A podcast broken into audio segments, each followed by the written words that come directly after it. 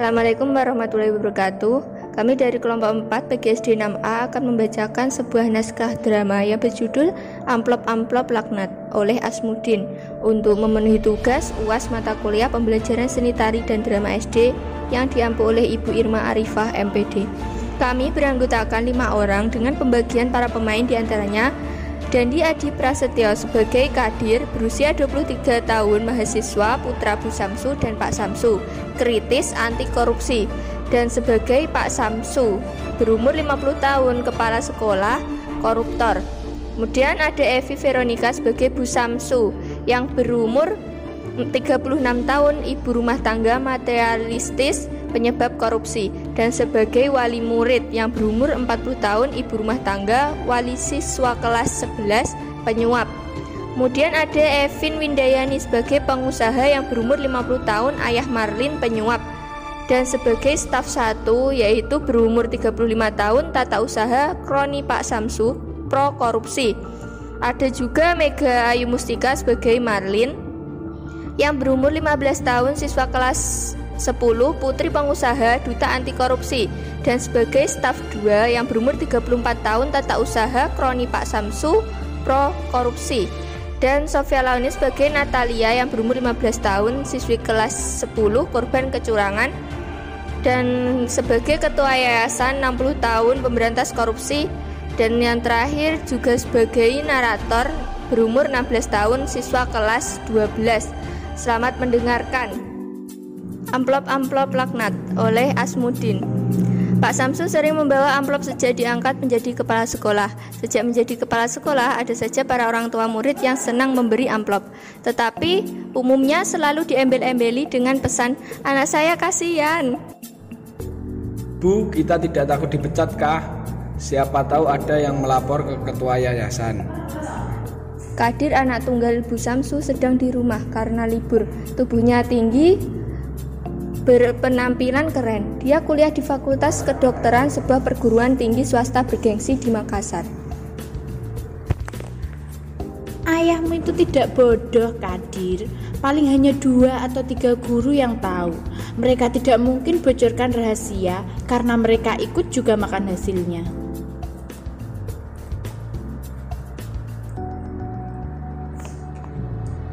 Itu namanya tindakan korupsi berjamaah, Bu apa pun sebutanmu, yang penting amplop. Pagi-pagi sudah banyak sekali bicaramu. Kau tentang orang tuamu. Tidak sadarkah kalau biaya kuliahmu yang habiskan gaji ayahmu? Tapi tidak bagus begitu, Bu. Penyelewengan itu namanya. Heh, sudahlah. Kau masih anak kecil, kau memang pintar berteori, tapi kenyataan hidup hanya seujung kuku yang kau tahu. Mengapa bicara begitu, Bu? Kau sendiri bicara seenakmu. Tapi, Bu, sudah, tidak usah banyak bicara. Sekarang dengar penjelasan Ibu. Biaya hari-hari kita tidak cukup. Kita mau belanja macam-macam, bayar listrik, telepon, dan air. Kita mau bagaimana lagi kalau tidak ada amplop itu semua? Ibu bisa stroke. Lebih baik Ibu pergi ke pasar berbelanja untuk menu hari ini. Wali murid kelas 11 datang ke sekolah menemui kepala sekolah membawa amplop, meminta anaknya dicarikan guru privat. Selamat siang, Pak. Selamat siang. Mari masuk, Pak. Oh iya, gimana? Begini, Pak. Ini nilai rapot anak saya semester pertama amat kurang. Kira-kira bisa dibantu ya, Pak? Oh, kalau yang begitu gampang, kami akan berusaha membantunya segera. Baik, Pak, saya permisi. Pada kesempatan lain datang lagi amplop dari orang tua siswa yang berprofesi sebagai pengusaha ke kediaman Pak Samsu. Seperti biasanya, Pak Samsu menyambut ramah. Selamat malam, Pak. Maaf mengganggu. Waduh, tidak sama sekali kok, Pak. Jadi begini Pak, maksud saya ke sini ingin meminta bantuan Bapak kepala sekolah. Kalau bisa tahu seperti apa ya? Ini Pak, berhubung anak sulung saya kedapatan hamil oleh petugas UKS, Saya minta bantuan Bapak agar tidak mengeluarkannya karena tidak lama lagi dia akan menghadapi ujian semester ganjil. Tapi Pak, peraturan di sekolah kita sudah jelas.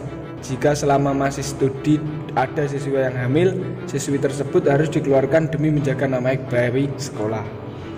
Ya, ya, saya mengerti itu. Apa tidak ada jalan lain? Sebenarnya gampang saja, Pak. Bapak tenang saja, semua bisa diatur. Maaf ini, Pak. Saya ada dana ini. Di ruang rapat Dewan Guru, Nama baik sekolah, mana yang kalian lebih pentingkan? Dua nyawa melayang sekaligus atau nama baik sekolah yang bisa diupayakan dengan berbagai cara. Untuk diketahui, anak itu mengancam akan bunuh diri bila dikeluarkan dari sekolah sebelum ia mengikuti ujian semester ganjil. Apalagi anak itu sebenarnya telah dinikahkan. Jadi statusnya jelas yaitu kini ia sebagai seorang istri. Saya setuju Pak, anak itu diberi kesempatan. Ujian semester tinggal dua minggu lagi. Kandungannya pasti belum tampak besar. Kita pertimbangkan sisi manusi manusiawinya saja. Kelihatannya si pengusaha main amplop lagi. Beberapa waktu kemudian, ia datang lagi minta Pak Samsu agar anak bungsunya, si Marlin, dijadikan ranking pertama dalam kenaikan kelas nanti. Bisa kan Pak Syamsu? Nanti kita lihatlah, tergantung kawan-kawan guru. Begini Pak, semester kemarin saja anak saya ranking 2. Tentu bukan hal yang sulit bagi Bapak untuk menjadikannya ranking pertama. Anak bapak, anak bapak bernama Marlin. Iya benar, kelas 10 satu nomor absen 19. Ya bisa saja, bisa diatur kok pak. Oke Pak, kalau begitu saya permisi dan ini buat umroh bersama Ibu. Wah umroh, apa tidak terlalu memberatkan bapak? Pasti tidak lah Pak. Tak terasa hari yang dinanti telah tiba. Skenario mereka berhasil berjalan lancar sesuai rencana. Marlin berhasil menduduki peringkat pertama, sedangkan Natalia peringkat kedua. Sorak-sorai Ibu Samsu, Pak Samsu, kawan-kawannya. Duka nestapa bagi Natalia yang mengandalkan beasiswa untuk kelangsungan pendidikannya. Di ruang makan, Kenapa Papa menyuap Pak Samsu? Jangan dikira Marlin senang dengan gelar konyol Papa. Juara pertama tapi hasil rekayasa. Apa istimewanya? Kau ini bicara apa? Pagi-pagi sudah bicara sembarangan. Ada apa kau ini? Bicara sembarangan bagaimana? Papa kira anak SMA seperti kami gampang dibohongi. Itu kesalahan besar, Pak. Maksud kau apa ya? Papa tidak perlu berpura-pura tidak tahu. Tunggu dulu lah. Kau ini tidak percaya lagi sama bapakmu ya? Begini, Pak. Teman-teman Merlin sudah tahu. Pak Hardi tidak adil memberi nilai bahasa Inggris pada Natalia. Dan Marlin tahu persis siapa guru kena suap itu. Sudahlah, Lin. Kok jelek-jelekan papa terus? Sekarang Papa jujur saja sama Marlin. Dia ajudannya Pak Samsu kan? Pak Samsu melakukannya atas amplop dari Papa. Ah, yang penting demi kebaikan kamu. Walaupun hasil main curang, hasil main tipu, Hasil main uang, sayang. Papa, apa maksudnya? Di dunia ini uanglah yang berkuasa. Kehormatan, kedudukan, pangkat, semua bisa diatur dengan uang. Tidak. Ah, Marlin tidak setuju dengan teori konyol Papa tentang uang. Yang jelas, kita sudah merugikan Natalia. Kasihan dia, beasiswa itu amat berarti baginya. Prestasimu juga sangat berarti bagi papa. Setelah perbuatan kakakmu sudah mencoreng muka papa, biarlah kau jadi penyeimbangannya, ngerti? Tapi Pak, Sudahlah, jangan lagi berdebat, papa mau berangkat. Untuk kesekian kalinya, kepala sekolah menyerahkan amplop kepada Bu Samsu. Kening Bu Samsu tampak berlipat melihat amplop yang ternyata berisi undangan makan malam dari ketua yayasan. Pak Samsu tiba-tiba menjadi gelisah. Pak, kenapa? Saya lagi pikir-pikir ini Bu, apa alasan tiba-tiba kita diundang makan malam di rumahnya Pak Ketua Yayasan? Hmm, jangan berpikir negatif, Pak. Paling cuma undangan makan malam ramah tamah karena ketua yayasan baru kembali lagi. Di ruang tamu ketua yayasan.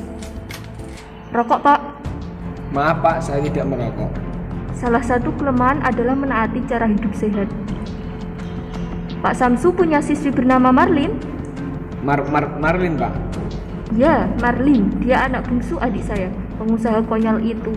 Marlin mengadu kepada saya, bapaknya gemar menyuap di sekolah kita. Maaf Pak, Sekolah itu saya dirikan dengan tujuan yang amat jelas, mencetak generasi penerus bangsa yang cerdas, berbudi, dan cinta tanah air. Bapak mengerti? ya Pak. Di sekolah ini juga kita bentuk generasi penerus bangsa yang tangguh. Berani benar adik saya itu main sogok.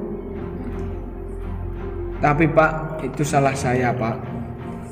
Ya, nasi telah jadi bubur. Mau apa lagi? Ketika saya marahi, eh, dia malah mengejek saya. Katanya salah sendiri tidak bisa memilih anak buah yang jujur. Saya malu, Pak Samsu. Rupanya Anda telah dikenal gampang menerima suap. Saya menyesal Pak, sekali lagi minta maaf. Mari kita pulang, Pak. Nanti kemalaman. Bu, tolong ambilkan amplop yang tadi saya sudah siapkan. Ini buat Pak Samsu. Saya ingin Natalia lah yang jadi juara pertama. Seperti yang seharusnya. Kasihan anak tukang kayu yang pintar itu. Wow, amplop lagi. Biar saya saja yang buka. Hah? Surat pemecatan, Pak.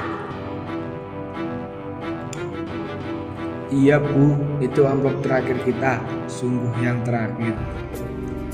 Sekian pembacaan naskah drama yang berjudul Amplop-Amplop Laknat oleh Asmudin.